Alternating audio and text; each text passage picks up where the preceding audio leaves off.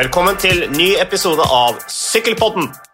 Magnus Øre, eh, nå, jo, eh, nå har vi liksom fått i gang eh, kontinuiteten, føler jeg. Dette her er jo andre episoden på to uker, så nå virkelig viser vi at nå har vi litt bedre tid.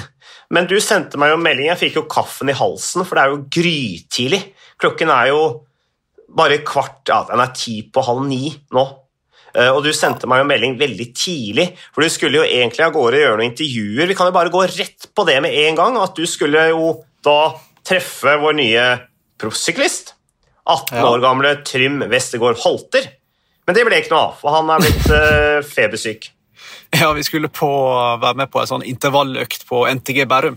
Uh, men uh, av helsemessige årsaker så må vi holde litt avstand. Så da havna vi altfor tidlig på jobb. Så sto jeg der klokka sju uten en plan. tenker jeg, Da kan jeg jo vekke Mats og stresse han litt med at nå må vi komme hive oss rundt. Ja. Så, men det er jo litt kult, da. Han blir jo også da tidenes yngste norske sykkelproff. Hopper bare galant over hele U23-klassa. Fra junior videregående-elev til Gianni Savio og um, dronehopper Androni Giagattoli. Et meget um, omdiskutert lag, får jeg si på en måte. Tradisjonsrikt lag òg, da. Ja, da, det ble jo starta i 1981, tross alt. absolutt. Flaskehopp opp mange Heter mye rart. ZG Mobil, f.eks. Hatt Pascalino på laget, f.eks. Franskmannen. Eh, Mauricio Fondres har syklet der. De kjørte Tour de France på 90-tallet, f.eks. Egon er, Bernal, ikke minst. Ikke minst. minst. Så um, jeg fikk en sånn her meld- satt hjemme på lørdag. Ante fred og ingen fare og la det opp til landskamp. Enormt skuffende landskamp mot Latvia, forresten. Men det er en annen historie. Fikk jeg en melding fra han eh, Savio. Hey, Magnus. How are you? I have signed a fantastic young Norwegian rider. He's, his name is Trim. He's so talented. Good time trialist. Cheers. Det er jo litt kult at du er helt på G med Savio, eh, syns jeg. da. han er karakter. Så jeg er veldig spent på um, hva planer jeg har for han. da. Uh, at, hoppe over, hoppe over U23, det blir vel han og han der eh, Martin Severcek i De König. Kian Autobrox i um, Bora, er det vel. Ja. Kanskje en annen en òg. men det er ikke veldig mange. da. Det er ganske sjelden. Så um, jeg er veldig Det blir jo mer og mer å være vanlig, da. Remco Absolutt. Evenepool-syndromet, som vi kan kalle det. Pippo Pozzato back in the day. Og... Mm. Ja. Nei, men Det blir spennende å se. da. Jeg så ikke helt den komme, da, for å si det sånn. Jeg så for meg at kanskje han skulle plukkes opp av type sånn Dare Development Team eller Team Coop eller et eller annet sånt. Litt som Men med de- Trym Brennsæter og et par av oss andre. eh, men eh, ja. Nei, men det er kult. Ja. Det blir gøy.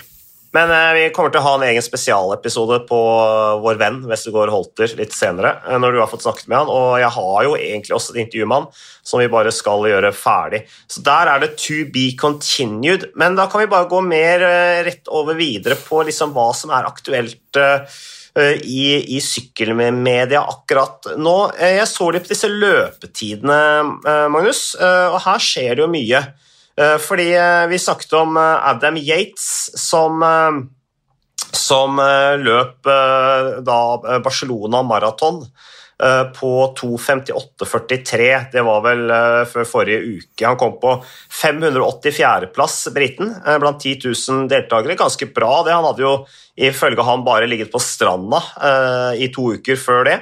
Vinneren var for øvrig da Eliud Kipchoge, som vant på tiden 2.06,43. Han har jo også verdensrekord på 2.01,39. Eh, Men så er det jo da Vi har jo en del løpere nå. Eh, Vi har jo Wout van Ert, eh, løper jo en, eh, en eh, team mile. Hvor mye er mile igjen, Magnus? En mile er jo sånn, er ikke det 1,56? Et eller annet sånt? da? Ja, så han løp altså et 10 miles-løp i Antwerpen på 1.11,11. Det er ikke så fort, da. Det er 4,25 per km. Men så hadde jo Tom Pidcock, som vi snakket om, som løp denne 5-kilometeren på 13,25. så da bare er fem sekunder bak den britiske rekorden. Men nå melder da Tom de Melin seg på, eh, som da nylig har løpt det 10 km lange løpet Grone Loper i Maastricht på tiden 32,38. Eh, og det er altså 3.15,8 per kilometer. 18,3 km i timen. Da begynner det å gå ganske fort, altså. Jeg, jeg syns det var utrolig treigt. Du syns det var treigt? Altså, hvis han springer en 10 Hvis han springer uh, en 10 kilometer på 32 38. Ja. Uh, jeg var på, Siste løpet jeg var på, var hytteplanmila. Det er det løpet ute i Hole som er Norges liksom, raskeste 10 km. Mm. 32-38 der tror jeg det holdt til Nå må sjekke nøyaktig. Jeg tipper kanskje en topp 70, topp 80. Ok, Så du lar deg ikke begeistre av disse tidene? Nei, ikke egentlig. Og så tenker jeg, eh, Vår uh, eh, sympatiske, springende fotballprest Endre Olav Osnes Mm. eh, kommenterer Premier League for oss, blant annet. Eh, Han tror jeg sprang på rett underkant av 35. Altså mindre enn to minutter bak Tom Dumoulin. Og Endre Olav Ja. er en godt trent fyr, altså, men eh, Tom Dumoulin er liksom Giro Italia-vinner og OL-medaljør og verdensmester. og eh, så jeg, jeg syns ikke, ikke det var sånn sjukt imponerende, for å være helt ærlig. Nei, men EU han er jo blodtrent. Altså, han, øh, han, han trener jo veldig bra. Jeg har jo hatt Jo, kontakt med han på trening og greier. Og han er jo tidligere fotballspiller, men Tom Dumoulin her er jo en hardtsatsende syklist. øh, akkurat blitt kjørt ned av en bil og på vei tilbake fra en skade og slenger seg på en måte bare med i dette løpet. da. Så, og han, har jo, han kunne jo blitt en fantastisk god løper, er du ikke enig i det? Jeg syns jeg ser en fremtidig løper, jeg, Tom Dumoulin. Jeg tror han skal, burde egentlig bare gå over på løping. Det som burde ha gjort det, er jo uh, tidligere generalsekretær i forbundet Bjørn Sætre som meldte at han sprang maraton på 2,29 i Stockholm back in the day. Det er imponerende. Ja, Men altså, det er jo, Der begynner du å snakke. Jeg syns ikke 2,58 til Yates er noe særlig å snakke om. Det er ganske mange mosjonister som springer fortere enn det. altså. Eh, Ja, men det er noe med at de bare slenger seg med, da, Magnus. Og det er jo ikke så veldig mange av disse gutta som løper så veldig mye i sesongen. Vi har snakka om at kanskje noen gjør det litt, og det begynner å komme litt mer, men det er ikke veldig vanlig at syklister løper. Nei, nei, jeg er helt, helt med på den. Og det er en helt annen muskulatur, og du har ikke den der eh, fjøringa i, i beina og spensten. Men på en 10 km skulle jeg tro at Wout van Art og Dumolaire sprang litt fortere. Men, men, det er jo ikke verdens viktigste ting. Men det kom på, du nevnte jo Pidcock, som sprang på Ja. den der eh, enorme 5 km. Den begynte vi bare å le av med en gang, for det var jo helt usannsynlig. Men jeg leste i går han skal nå, etter sykkelcross-VM, drar han til USA, til Oregon, for å gjøre et forsøk med den skandaleombryste bryste Nike Oregon Project-gjengen til Salazar. Eller Ja, Men Salazar er jo ikke med der lenger. Nei, Han er jo sparka ut. tidligere samme miljø. Han skal springe en fem kilometer på bane for å se hvor fort han faktisk kan springe. Da. De ble så Mm. imponert over det han la ut. Da. Så det blir spennende å se. Så han er i ferd med å bli som Nike Oregon Project-løper. Ja, altså. så-. Jeg tror kanskje Gabriel Rask Nei, ikke Yates, Pidcock. Altså, Ja, Pidcock, ja. Men jeg tror kanskje Gabriel Rask og, og Team Ineos-gjengen kanskje ikke helt har kontrollen her. Eh, Det høres ut som det er helt fritt vilt at rytterne de har mista helt kontroll på rytterne. De skal tross alt satse sykkel, ikke farte frem og tilbake over hele verden. Men du sa du at Når var det han skulle, Pidcock skulle til Oregon, sa du? jeg tror jeg leste at det var etter sykkelcross-VM. Ja, mm. Type sånn tidlig februar, kanskje, da, eller et eller annet sånt. Uten at jeg har datoen i hodet på hvor tid akkurat VM er. Det makes sense, det, da. Det er jo, det er, det er jo greit nok, liksom. Eh, Det er jo et fint stunt, det. Ellers, eh, du nevnte Salazar. Vi har kanskje snakket om det før, men Salazar har faktisk vært oppe på Kaggestadgårda. Visste du det? Jeg har Ja, bilder av jeg meg gitt selv jeg, som liten gutt og- med Alberto Salazar. Jeg har gitt både deg og din far litt tyn for det nære vennskapet til eh, en skitten karakter i internasjonal idrett. Ja, Når var det, da? Var det tidlig 90 da, eller? Nei, det var på 80-tallet. Jeg var bare liten gutt. Jeg var vel sånn tippe seks-sju år gammel. Uh, og jeg er født i 77, så dette var tidlig Tidlig 80-tallet, rundt 84-85. men da var han på oss Jeg husker ikke hvilken sammenheng det var, men det var for å trene og liksom eh, få, få erfaringer eller eh, lære av det norske miljøet, tror jeg. eh, Rett og slett. Trene det var ikke, det var- ikke sånn Bislett Games-greier da. ja, det kan ha vært. Det kan ha vært. Men han var i hvert fall oppe på gården, da. Så det har vært interessant å følge hans karriere videre.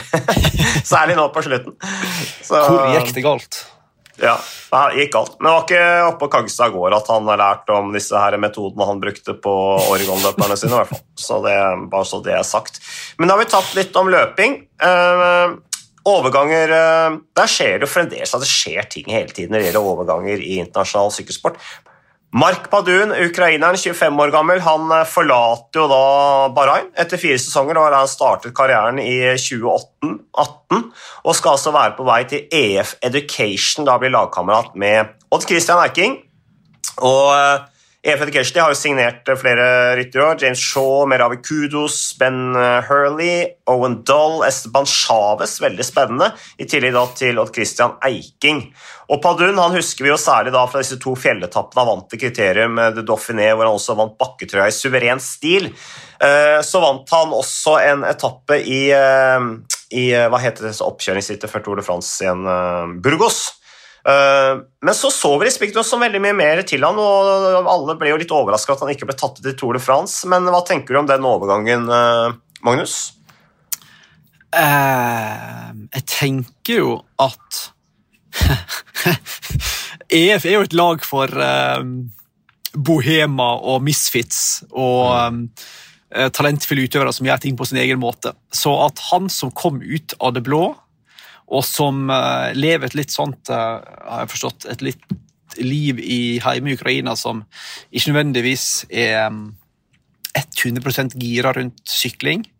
Um, jeg tror han har litt utfordringer på ja, Det var et eller annet der på heimbane som gjorde at ikke alltid treninga var like bra kontinuitet i. Det er jo ikke så rart da, når du kommer fra Donetsk. Er, bor han i Donetsk, eller? I øst i Ukraina? Mm. Uh, det er jo et et område som eh, ikke akkurat eh, det har vært så veldig trivelig da, det siste Nei, det, tiden, etter at det, Russland annekterte Krimhalvøya. Det er akkurat det. Så han har jo hatt En del mener jo at grunnen til at han ikke har prestert så bra tidligere, er jo fordi at det har vært så masse rør hjemme at det har gått utover treninga. I et slags forsøk på å rasjonalisere de to etappeseirene i Dauphiné. da. At han egentlig har det nivået inne, men det er ting som har gjort at han ikke har fått det ut før. Men uh, uansett, da. Uh, jeg så for meg at han skulle til se, da, når det kom en del rykter om det. Selv om de mm. avviste det. Så jeg var litt overrasket over EF. Men, um, men du vet jo aldri da, når ryttere har gått i EF. Det kan blomstre skikkelig. Sånn Van de Velde, Wiggins, uh, Uran. Men det kan òg mm. gå motsatt vei. da. Så um, ja. Men, men, det er kult lag. da, sånne Kudus og Eiking og Padun og co. til uh, ritt neste år. Det er jo uh, EF S jeg uh, sjøl liker. Ja, Nei, Det blir spennende å se. Det er de frie sjelers lag, som du sier. Men jeg er veldig overraska at du sier at Padun fremdeles bor i Ukraina. Særlig det er iallfall masse heime. Er som han bor der, ja. han er iallfall masse heime og trener. da. Ja. Hm. Ja, nei, Vi får se. Uh, ellers så er det jo ikke sånn at Padun var helt sånn ubeskrevet blad. altså Han vant en etappe i Tour de Alps som førsteårsproff i 2018. Da ble han med tolv sammenlagt. så den etappen han vant, den vant han foran George Bennett, så man kan liksom ikke si at han kom helt ut av det blå. At gutten har talent for å sykle oppover, det hadde han åpenbart. Så det skal bli spennende å se hvordan han gjør det i EF eh, e Education. Men uh, Apropos, jeg ble faktisk ja. ferdig og leste ferdig boka til Jonathan Wouters her i helga. Ja, Nå går du rett over på Kulturbadet. Jeg tenkte bare, siden vi var innom, vi var innom EF, liksom. Ja, så, så, vil okay. jeg bare sende en, en varm anbefalelse til uh, boka til mannen som ikke alle er så veldig glad i. Uh, mange syns Voters er en sånn krevende hipster-type, mm. men uh, det var en av de beste sykkelbøkene jeg har lest. Hva er det sa det het igjen? heter One Way Ticket. Mm, one Way Ticket, ja. Kom for et par år siden. Han skriver litt om Thor, blant annet. Det fikk vi litt oppmerksomhet. Uh, Hva er det han skriver om Thor, da? Uh, grumpy old world champion. jo da, men Han skriver at han var liksom 100 proff, men at det hadde en del uh, uoverensstemmelser og dårlig stemning fordi de ikke ville gjøre sånn som han alltid ville. da. Uh, mm. Og Det var vel litt framme i media, husker jeg. Men det var en meget interessant bok om Lance og oppvekst og uh, forsøket på å hente Contador flere ganger. og ja. Forhandlinger med ryttere gikk i dass. Nei, den var fin, mm. altså. Nei, Den må dere lese opp. Det var en eh, varm anbefaling fra deg på det. Jeg, jeg syns uh, John Tomotus Jeg, jeg snakka litt med han når jeg var uh, proff. Um, Eh, allerede da han var i Cridia og vi syklet eh, Vi som Ringerike og landslaget syklet eh, open-ritt nede i Europa hvor han var med, så husker jeg alltid Alltid en sånn interessant og morsom type å snakke med Walters. Han er jo definitivt en bohem og en, en litt sånn halvfilosofisk type. Så han er en farbeklatt, da, syns jeg, i internasjonal sykkelsport. Men Så skrev han om hvordan han ble diagnostisert med Asperger nylig. Oh, ja? Ja, Han var veldig sånn åpen om det, og hvorfor begge ekteskapene hans har gått i dass. Og, uh, det var egentlig ganske fin, han, altså. Er det derfor han har sånn der eh, ekstrem fetisj på sånn der eh, Argyle, eller? Det derre mønsteret som de er så tilknytta i det laget? Er det, han som liksom har dratt inn den fetisjen? Skrev han noe om det? Argyle ble faktisk klekt ut over altfor mange flasker vin seint på en kveld der de måtte sende inn et design som kunne stå tidens tann Uansett hva laget het, eller hva farge det hadde, så fant de det mønsteret som uh, dette her skal vi ha. Men det var helt tilfeldig, faktisk. Men det er jo faktisk en uh, dame fra oppe i Sigdal også som har vært sånn fan av det sykkellaget, som også var med å gi innspill på de draktene der, og som vant, var, var en bidragsyter. Hun vant på en måte med forslaget sitt. da. Jeg husker bare ikke hva hun heter nå. Hun, har også vært, hun er så sykkelinteressert at hun har faktisk vært litt med som sånn uh, tavle, uh, altså holdt tavla på motorsykkelen i Tour of Norway og sånn. Så det er litt artig historie, det der.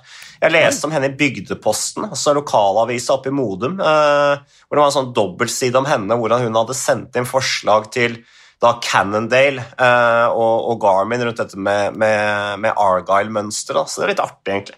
Så verden er liten.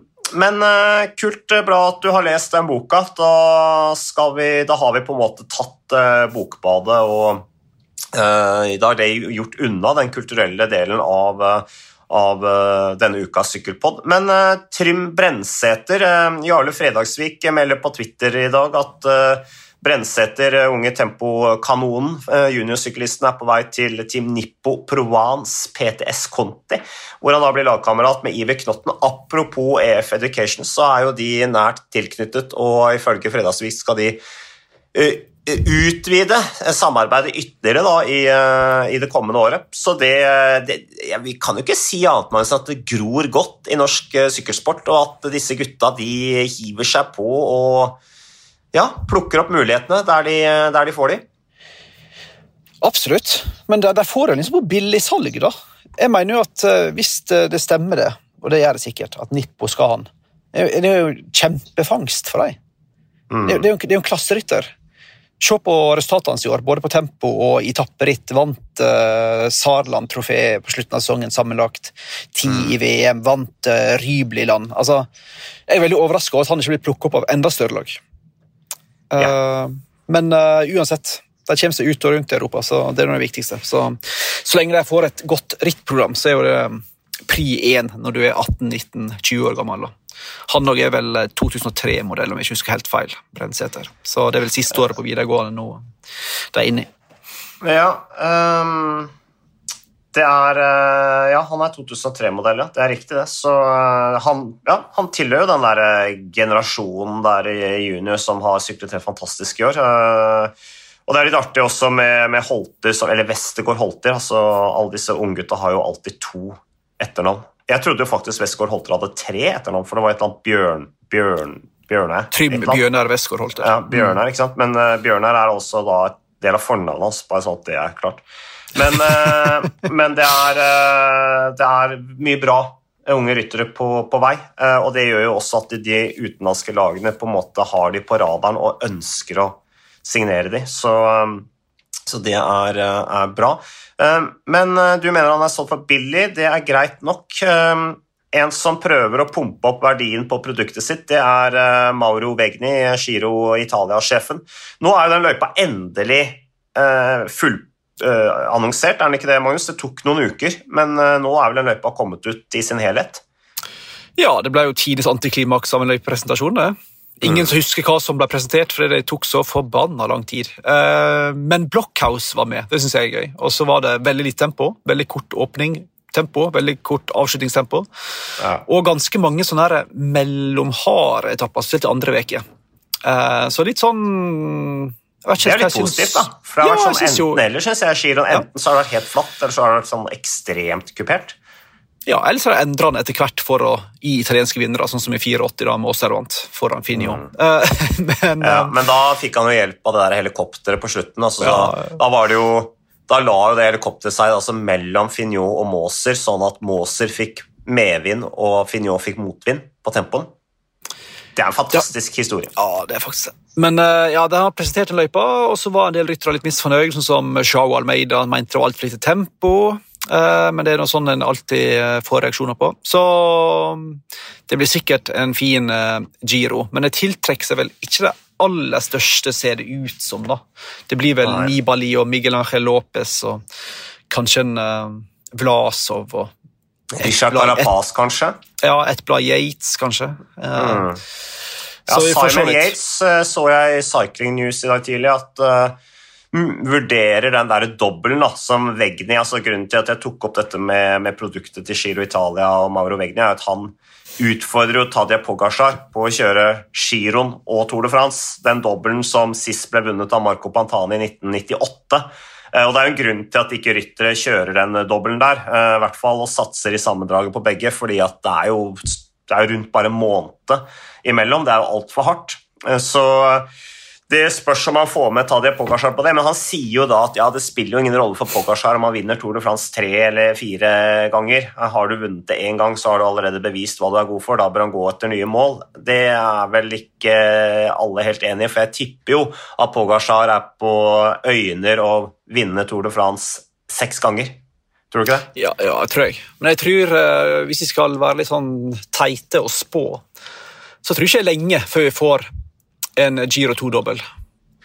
For Nei. nå har vi gått liksom i litt over 20 år, som sier. 98 var sisten på Antani.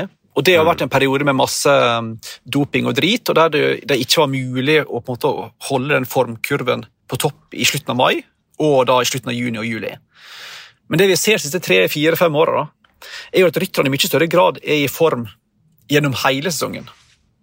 Ja, jo, delvis. Og og, den Eh, nye generasjonen som bare er best på alt hele tida, eh, og har på en måte ingen åpenbare formsvikt à la eh, Pogacar eller ja, Roglic. Eh, eh, tipper blir litt samme.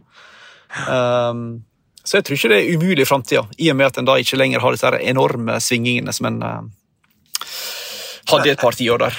Jo, men jeg er litt sånn skeptisk til den der Giro 2-dobbelen, altså, fordi at eh, det kommer veldig tett. Eh, du er ganske ferdig etter å ha kjørt uh, Giroen.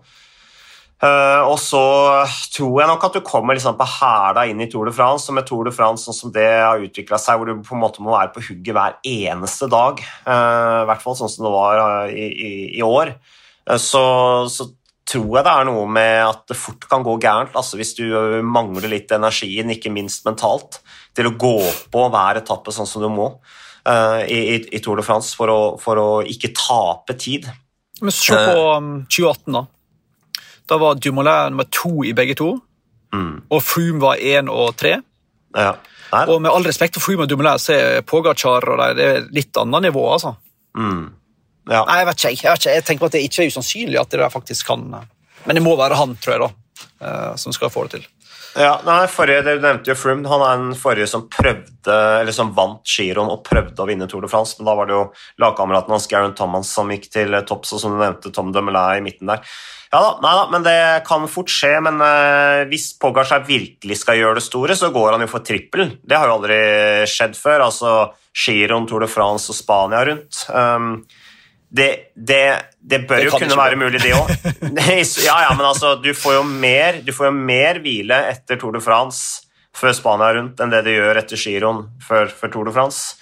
Men, eh, og det er jo, den, eh, det, er jo det vår eh, godeste Hva heter han der russeren som eide Tinkoff? Ja, Oleg Tinkoff. Um, Oleg Tinkoff som nylig er blitt dømt av det amerikanske rettsapparatet til hva var det, fem milliarder kroner i bot eller et eller annet for svindel, skattesvindel i USA. Spørs om vi får se Tinkoff tilbake i manesjen etter det. Men du nevnte tempo. Det er bare 26 km tempo i, eh, i Italia rundt. Det er eh, 51 000 meter med, med klatring. Eh, og du nevnte en del navn der som vi satser på Giron Almeida, Yates, Godu f.eks., Chicone, Damiano Caruso som nylig har forlenget med Bahrain, og så vil jeg tro at kanskje Miguel Angel Lopez kan være en mann, og så blir det spennende å se på også Vincenzo Nibali, som jo eh, går og lurer litt på om 2022 blir hans siste sesong, og han har vel også antydet at han har lyst til å kjøre Brosteinsklassikerne for å liksom eh, forsterke inntrykket av Nibali som denne robuste rytteren som, som kan kjøre alle slags typer eh, sykkelløp. Så det blir uh, interessant å se. Men du, Magnus, nå holder vi på å glemme det viktigste i sykkelpodden her, og det er at jeg har snakket med Alexander Kristoff. ja, la oss høre fra han, da. Ja, vi hører fra Alexander Kristoff. Alexander Kristoff, du er uh, akkurat landet i uh, Brussel, tror jeg, og så er du på vei, på vei til samling. Uh, første samlinga med Intermarché Vanti Grop uh, Gobert. Uh, tror jeg fikk med alle sponsornavnene der, stemmer det, eller? Ja, jeg følte det, det hørtes riktig ut. Selv om de har vel noe ekstra på drakt. det er en full drakt ja, men det er bra. det er bra. Du, hvordan er, med, hvordan er opplevelsen nå av å bytte lag? Du har jo gjort det før, men uh, hvordan føles det? Nei, Det er alltid litt spennende og vet ikke helt hva det går til. Men nå var jeg faktisk nede en liten dagstur i oktober og prøvde litt klær og, og sko, så fått et godt inntrykk. og ja, det, Nå er det litt mer, nå er det hele laget og litt mer teambuilding og ja, møter om neste år og litt forskjellig. så nå er det mer en reell samling, selv om det ikke er noen sånn treningssamling typisk, men uh, mer sånn typisk med at vi går gjennom helsesjekk og alt det grønne der. Mm. Tenker, har du gjort noe, Hvordan legger du opp treninga nå? Eh, er det liksom, Kjører du standard opplegg, eller har du gjort noen endringer? Eh, eller skal du gjøre noen endringer før neste sesong? Ja, det har vært litt endringer, men vi har jo fått en bane i Stavanger, så vi prøver å få brukt den litt igjen i treningen. så én-to økter i uka har jo vært eh, der. og så Ellers er det mye av det samme som jeg pleier med styrke og sånn, eh, og en langtur. Så, så vi har bytta kanskje ut eh, noe Vi har tatt styrke og, og en baneøkt kanskje etter en av styrkene, styrkeøktene i uka. da, på en måte, Så har vi bytta litt, litt, der, men mye av det samme sånn sett. Men litt, litt nytt med banen. da. Mm. Hva blir eh, hovedmåla dine eh, for uh, 2022? Nei, Vi blir jo klassikerne som er viktige både for Intermarché og for meg personlig. Så har jeg jo prestert bra i de løpene før. og da har jeg sanka mest poeng sånn sett historisk, så da blir det å prøve å prestere på et høyt nivå igjen og få noen gode resultater på vårparten. Og så er det tiltenkt eh, Tour de France etter hvert, så gjør jeg med at jeg kjører der også i år. Så, så da blir det mer normal sesong fra hva jeg vant til eh, fra tidligere i år. Og det, det skal bli fint. Da vet jeg litt, ja, kjenner jeg hvordan jeg pleier å legge det opp, på hva funka før. og så blir det litt forandring inn mot sesongen i år med tanke på at jeg kommer til å være med på treningsleir. I fjor jeg var ikke på treningsleir i desember, eh, og det ble avlyst når jeg skulle ned til Gran Canaria eh, i romjulen. Mens man får alt, eh, all den syklinga der i desember i tillegg. Så da, da er jeg mer trygg på formen inn mot sesongen nå med å få en ekstra måned i godt vær. Ja, Så du er rett og slett, du får kjørt litt mer av det gode, gamle opplegget som har fungert uh, tidligere, hvis jeg tolker deg rett? Ja, for i fjor så hadde ikke i noen sammenheng i desember. Det var litt koronasituasjon og sånn. Og så ble, ble også avlyst Det pleier alltid å være én eller to uker i Gran Canaria i romjulen, men det også ble avlyst pga. Av, ja, korona og de restriksjonene der. Så da, da mista jeg nesten en måned med sykling i Spania på en måte, eller Gran Canaria. Så sånn sett så nå får jeg den måneden tilbake i år. Så det er jeg, er rimelig sikker på skal gi litt eh, bedre form inn mot sesongen. Mm. Det er bra at Du nevnte banen på Sola, Alexander, og det ser jo ut Jeg har jo vært der et par ganger og bare sett på den. Um, jeg har faktisk prøvd å sykle litt der òg i sommer, uh, bare helt sånn uh, casual. Men hvordan, er, hvordan, er liksom, hvordan opplever du å sykle på, på, på banen? Det er fin, eh, fin, ekstra trening for min del. sånn sett, og Du blir tvunget til å kjøre litt høyere frekvens og slikt. Eh, beina går rundt uansett, så, så eh, ja, jeg tror det er en fin ja, treningsform og tillegg i hverdagen sånn sett. I hvert fall nå på vinteren og høst og vinter og sånn når det er litt surt vær. Det er jo litt annen form for sykling, da. Jeg føler meg jo ikke like trygg på den sykkelen verken i felt eller som jeg gjør på raceren, så føler meg jo heller ikke helt konge på den. Så, så, det er nok litt tilvenningssak og litt øvelse som trengs òg, men uh, det er jo ikke helt samme type sykling. Det er det jo ikke. Nei, men Jeg har sett noen uh, videoer av deg uh, fra tidligere hvor du har sittet inne på den der ergometersykkelen din og tråkka som pokker på sikkert 120 i, i tråkkfrekvens. Så, så du, du, det blir jo bare en litt sånn uh, annen måte å gjøre det på. og jeg tenker Du er jo 34 år gammel nå, Alexander, så det kommer jo liksom litt sånn i grevens tid, tenker jeg. At de får satt opp den der banen, og du får det der nye elementet i treninga liksom så nærme hjemmet ditt. Det må jo, det må jo føles litt motiverende å liksom gjøre de sånne endringer på treningsarbeid. Litt ny, ny dimensjon i sykkeltreninga? Det blir det jo, også. det gir jo litt motivasjon i treningshverdagen, det. Å gjøre noe nytt. Var med på et løp, sånn lekeløp eller hva det treningsløp eh, en tirsdagskveld òg, så jeg ble jo Jeg var ikke dårlig, men jeg vant jo ikke. Det var junior som slo meg hver gang. Så eh, sånn sett så trengs jeg litt trening for å prestere der. Men det var jo morsomt og det var god trening, og jeg så pulsen var veldig høyt. så sånn sett så får du tatt i, tatt i bra på mm, så kroppslig og sånn, så er det jo gull verdt. Så, så tipper jeg kanskje, det blir et løp til nå før treningsleiren jeg kommer hjem fra dette her. Og så får vi se utover. Kan jo være at det blir mer brukt igjen neste år. da har bestilt, Vi har litt liten både jeg og Sven har kjøpt oss litt liten badesykkel, så vi venter på å få en ny en nå. Eh, så eh, vi tok jo bare samme størrelse ute, men så fant vi ut etterpå at banesykler skulle jo helst være litt større enn de du har på landeveien. Så, mm. så vi bomma litt der, men det går akkurat. Men blir, er, merker du at du blir støl på en annen måte? Kjenner du at du mobiliserer annen type muskulatur enn det du har gjort før, eller er det akkurat samme følelsen etter å ha sykla på, på bane? Jeg har ikke merka at jeg begynner å støle av det. Men, eh, men eh, ja, jeg har merka at jeg har litt korte krankarmer òg, så jeg skal prøve å få litt lengre krankarmer eh, på banen, kanskje. Jeg har jo hatt 170 nå, så har jeg kjørt 75,5 ute, så da merker jeg litt forskjell. Så kanskje man finner en gyllen middelvei imellom der.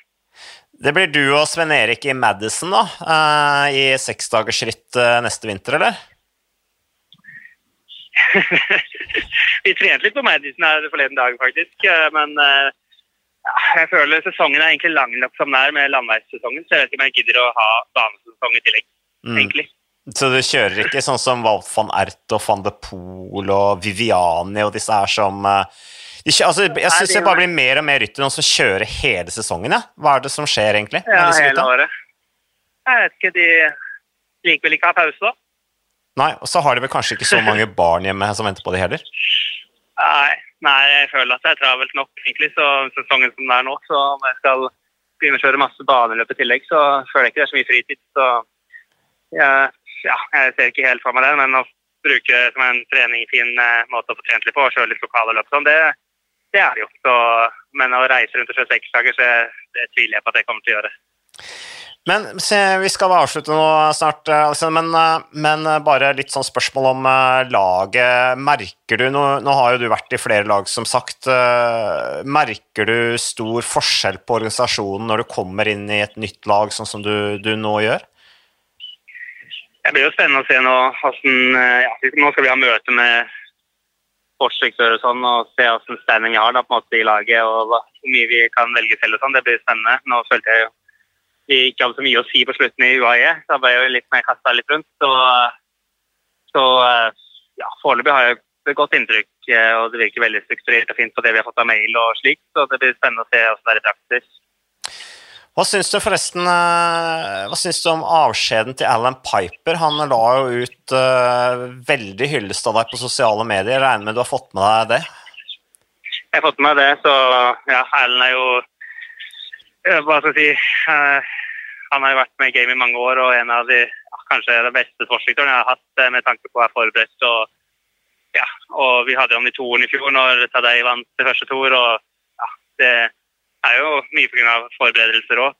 Vi har kjørt gjennom løyper og han har lagt en plan for, for det meste. så Sånn sett så mister jo UAE da, eh, en veldig god ja, leder på en måte som, som har kontroll på det meste. men han har slitt litt med helsa de siste årene og kjente vel at han ikke helt eh, orka det kjøret på en måte som er når du er en sportsdirektør og ja, skal ta valg og mye bilkjøring og masse forskjellig. Så, så eh, han kjente litt på det. Og ja, det, det, er bare imponerende alt han har fått til, både eh, de, ja, som sportsdirektør og før i karrieren. Så, så ja, jeg har bare gode ord å si om han, og han har vært eh, veldig, veldig flott at ha han som leder i, i mange av klassikerne nå. Mm.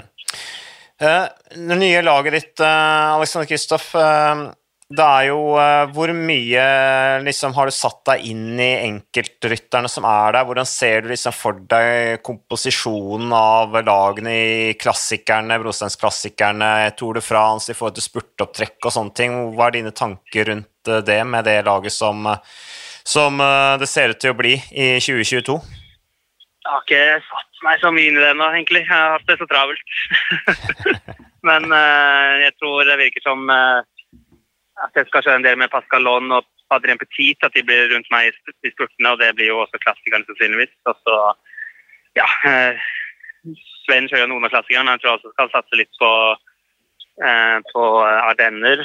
Så det blir jo litt nytt for han, på en måte. Men det tror jeg er flott eller fint for han. På en måte, han går jo bra i slike typer bakker, så kanskje Liège er litt, litt lange igjen, men eh, de før der, med Amstel og og Flesh eh, bør jo passe veldig bra. Så, sånn sett så, så, blir det også spennende for Hansen. Men så er vel han tiltenkt å kjøre Tour de France slik han nå, så vi kjører jo mye sammen. Også. Ja, altså Nå sitter jo kanskje Sven Erik eh, ved siden av deg nå, så det er grenser for hvor mye dritt du kan si om ham, men, men det var jo litt sånn Det var jo litt sånn Litt sånn vi var jo litt sånn i tvil om Sven Erik ville følge deg videre. Um, og han har på en måte vokst til en autoritet i sykkelfeltet, Sven Erik også. Uh, og det var liksom litt prat om at han nå kanskje ville gå sin egen vei. Han snakker i hvert fall litt om det i, i, uh, i juli under Tour de France. Men uh, hvor mye betyr det for dere at dere fremdeles kan sykle sammen på samme lag, dere som kjenner hverandre så godt? Jo da, det gir trygghet det, å ha med på samme lag. og og det tror jeg går begge veier. Men eh, ja, det var ikke gitt at han skulle kjøre på samme lag. Han hadde en del, ja, del forskjellige tilbud som han vurderte opp og ned. og så, ja, så, så endte vel Intermarché opp med det kanskje beste tilbudet sånn totalt sett. Så da, da, ble det det. Men det var jo også ja, De var kanskje mest interessert i å ha ham med. Så, så da ble det, ble det, sånn. Men det var ikke gitt at han skulle gå samme vei som meg. det var det men tror du de signerte han fordi at de har sett at dere to går godt sammen sånn generelt, både i trening og ritt? Ja, jeg vet at de var veldig interessert i å ha han her, så, så, han får nok en eh, viktigere rolle nå enn han har hatt både i Katusha og, og uh, i UAE. Så han blir jo mer en, en, leder i dette laget og en de satser på skal kunne prestere i de kuperte løpene. Mm. Ja, Nei, men Det høres bra ut, Aleksander. Alexander. Men eh, takk for eh, praten, som ble mye lengre enn det jeg egentlig hadde tenkt. Men du sitter jo bare der på landeveien og kjører bil allikevel. Så men masse lykke til på samlinga. Og så får du hilse til Sven Erik, og så, og så blir det spennende å se hvordan arbeidet går videre. Og Så får du passe deg på banen, så du ikke blir, får for mye bank av disse her unggutta. Men det er jo gøy å høre at de sykler fort.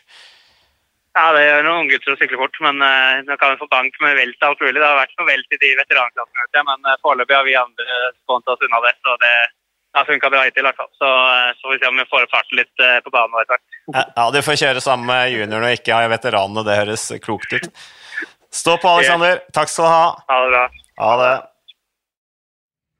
Ja, Alexander Kristoff han, han, tar seg alltid god tid. og det er sånn selv om han er en stjerne, så du sender han en melding og liksom spør om han kan stille opp på Sykkelpodden, som jo ikke akkurat er verdens største medie, som han helt sikkert prioriterer lengst fram i rekka av medier, men han stiller opp. Det var svar med en gang, det. Så hyggelig. Og hadde jo tid til å prate der han satt i bilen sammen med Sven Erik, sannsynligvis på vei til årets første samling, som jo er litt sånn De samlingene der er litt sånn rare. Jeg husker de desembersamlingene. Det er mest sånn Eh, det er mye sånn eh, mye møtevirksomhet, og så skal det drikkes litt, bondes, surre rundt på sånt hotell. Eh, de skal kanskje gjøre noen sånne lagbyggingsøvelser som rytterne er sånn pass, har liksom passe lyst til å være med på, egentlig. Det kan i hvert fall være sånn der, men det er jo litt artig det han sier der om, eh, om banen, at han uh, bruker den eh, nå eh, som en del av treningsarbeidet. Eh, og som jeg sier, altså, Han er 36 år gammel, så jeg sier den kommer jo kanskje i grevens tid, den banen. nå som du er liksom på, i en fase av karriere hvor du blir, blir sånn gammel mann og kanskje litt sånn sliten og lei, så vil jo det være et bra element som kan gi litt boost i motivasjonen, tenker jeg. Også, Men han er vel Så er du 36 år, er ikke han 34? Er han blitt så ung, holdt jeg på å si? Han, han har blitt så ung, tror jeg. Er ikke 87-modell, han og Boas Nagen? Han har bursdag 4. juli, tror jeg. Jo, 34 er han. Så han er 34. Født i 1987. Helt riktig. Beklager. Men øh, han øh, Men det er i hvert fall øh, hans, Det er litt kult, det. Eh, Det der banemiljøet på Sola, det han sier om om at han får litt bank av disse her unggutta. og Jeg tror han ser en del øh, talenter rundt seg nå, når disse her, øh, det der miljøet der med disse mer etablerte gutta, disse unge som, som sykler sammen på, på banen og på en måte har dette her som en fellesnevner, at det er en ny opplevelse for dem, ny erfaring for dem. Eh, jeg har veldig troa altså, på det miljøet som, som vokser fram på Sola der nå. Jeg følger jo en del på sosiale medier, ser det er mye liv der. Så det ja, må, må jo bli bra, tenker Jeg jeg. fikk tilsendt et sånt opptak av um, da Kristoff sykla Det var eliminasjonsritt. Eh, Da han tapte Eller tapte, ble han to bak eh, Karsten Feltmann, altså nye Coop-rytterne. Det så ganske kult ut. Jeg syns Kristoff så ganske sånn uh, mjuk og ledig og um, så som det var første gang, men det var vel det. da. Men uh, det ser ut som det er god stemning. Jeg føler konkurranser er hver dag. Jeg, jeg ser bilder på Facebook hele tida av at det er et eller annet, der, et eller annet stevne. Nei, så det, det er gull. Ja, det blir bra, det. Nei, så ellers, eh, Han nevnte jo laget sitt, at han ikke hadde helt eh, oversikt over eh, alle rytterne. Og Pascalon og Petit han nevnte som, som rytter han, han tenker kan bli, bli viktige bidragsytere til videre suksess for han, han der. Ellers så snakket vi litt om det Magnus, at eh, andre som kan bli bra, som jeg har troa på til 2023, er Quentin Hermans. Belgia. Ja, helt, he- helt enig. Jeg syns han tok steg på landeveien i fjor. og Vi vet jo hva han står for i gjørma og på, i terrenget. Så ja, det er et ganske bra lag. De har henta inn en del forsterkninger. i hvert fall. da. Så også veldig spent på han eh, eritreeren som fortsetter her i år, han eh, sølvmedaljøren fra VM. Binyam Girmay Hailu. Så det er egentlig et spennende lag. Så hvis Kristoffer er i form, så har han en bra gjeng rundt, eh, rundt seg i klassikerne. Altså. Med Kleis og Bystrøm og Pascalon og Petit og Kinten Hermans, som du nevner, og Taco van der Horn. Og, uh, så det er en bra bra ryttere. Ja, jeg synes i hvert fall det jeg har sett av Kinten Hermans på syk i sykkelcrossen uh, til nå denne sesongen, så ser det ut som han har bra trøkk. Altså. Selvfølgelig, han vinner jo ikke alt, sånn som disse her andre superstjernene med Wolf, Wo- Wout, van Ert og, og Matthew van de Poel og, og disse her, men, eh, men jeg tror han kommer til å At absolutt eh, han har en utvikling som er bra, og at eh, han kan bli spennende sammen med Alexander Kristoff. Men eh, vi øh, vi var litt inne på giroen før, før vi hadde praten med Alexander Kristoff. Um, og jeg ser også i nyhetene nå at Froome, apropos eh, vinneren av eh, Giro Italia i 2018 um, Han eh, har fått tilbakeslag av denne litt sånn mystiske sykdommen som eh, ble en del omtalt eh, som han slet med før han gjorde gjennombruddet sitt.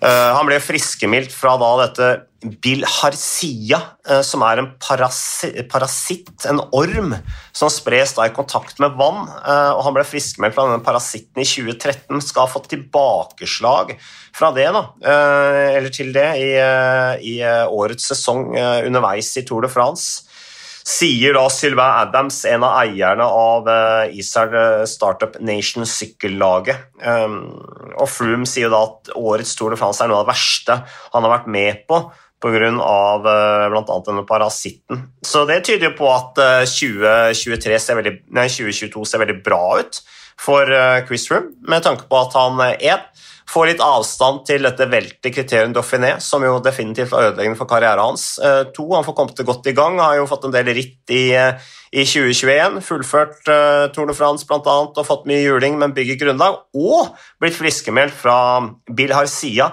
Så det, det er, da er det vel duket for et Froome-comeback i 2022, tror du ikke det, Magnus? ja, kanskje. Sneglefeber er ikke bare bare. ass. Jeg tror òg det påvirker en del blodverdiene dine. Så um, det kan Ja, det jo forklare ned. en, kan jo forklare en Ja, Hvis jeg opp hadde vært digg, da. Ja. Hvis jeg bare Ja, vi alle Hvis syklister bare steig ut av opp i 50-60 der. Um, men uh, nei, så det forklarer litt, da. Og han hadde jo merkbar framgang på et par endagsritt i Italia helt, helt på slutten av sesongen, etter at de fiksa dette. Mm. Så det kan jo være at nivået hans faktisk er et lite hakk over det vi innbiller oss. Um, jeg nekter å tro han kommer tilbake til noe som ligner på gammel storhet, men vi kan jo um, Litt bedre kan det iallfall bli, da. Det er jo ikke usannsynlig. Nei, det skal bli spennende å se. De er vel også på samling nå i Startup Nation. Ellers så ser jeg jo at Froome er begynt å bli litt sånn businessmann. Er blitt eier i sykkelmerket de kjører på i, i, i Startup Nation og engasjerer seg i en del eh, forskjellige ting. Så spørsmålet er om han har liksom fokus da, til å til å jobbe enda hardere, for han må jo bare jobbe enda hardere enn noen gang for å komme tilbake etter all den trøbbelet han har hatt. Så, men vi får se. vi får se. Carl Fredrik Hagen er jo da også i gang igjen etter en veldig tung eh, sesong. Det skal bli spennende å se hva han, eh, han også får gjort i, eh, i, det året som kommer. Vi absolutt trua på Carl Fredrik. Jeg var litt inne på, Vi var inne på Quentin Hermans vant i Group Gobert Materieux Intermarché, som som vi har trua på, som kjører bra sykkelcross. Lars van der Haar for å snakke litt sykkel. Vi må snakke litt om sykkelcross. Magnus. Har du sett på noe sykkelcross i det siste, eller? Ja, prøver å se uh, det meste. I alle fall, mm. Om ikke fra start til slutt, så i alle fall en del av det. Ja. Mm, du er jo en sånn multikunstner, men er det sånn fremdeles sånn at du sitter og ser på flere ting, eller er ikke det behovet nå på den tiden av året? Fordi tidligere i sesongen så har du jo, når det er på det, på en måte det mest hektiske, så ser du gjerne på tre-fire sykkelritt samtidig. Ja, men Nå er det mer sånn tre-fire fotballkamper pluss et sykkelkloster litt samtidig. da. Så du mm. kombinerer litt der òg. Men det er roligere dager. Arsenal. absolutt. Meget, meget bra. Ja, mm, så Faktisk. Ja, ja, absolutt. Mm. Ja.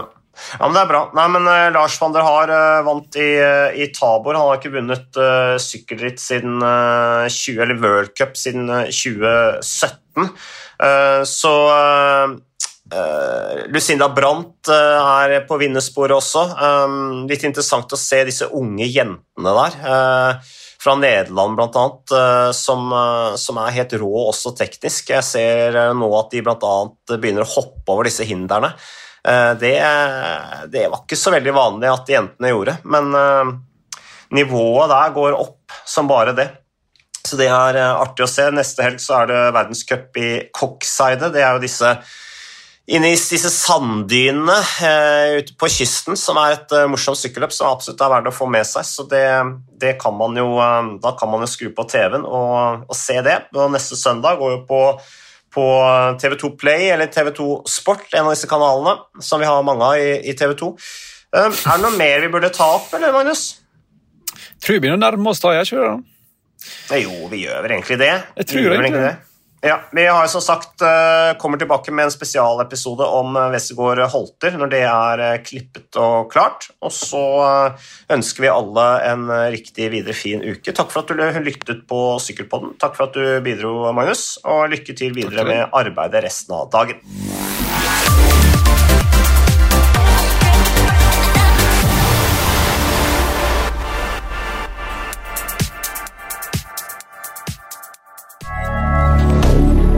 Moderne media.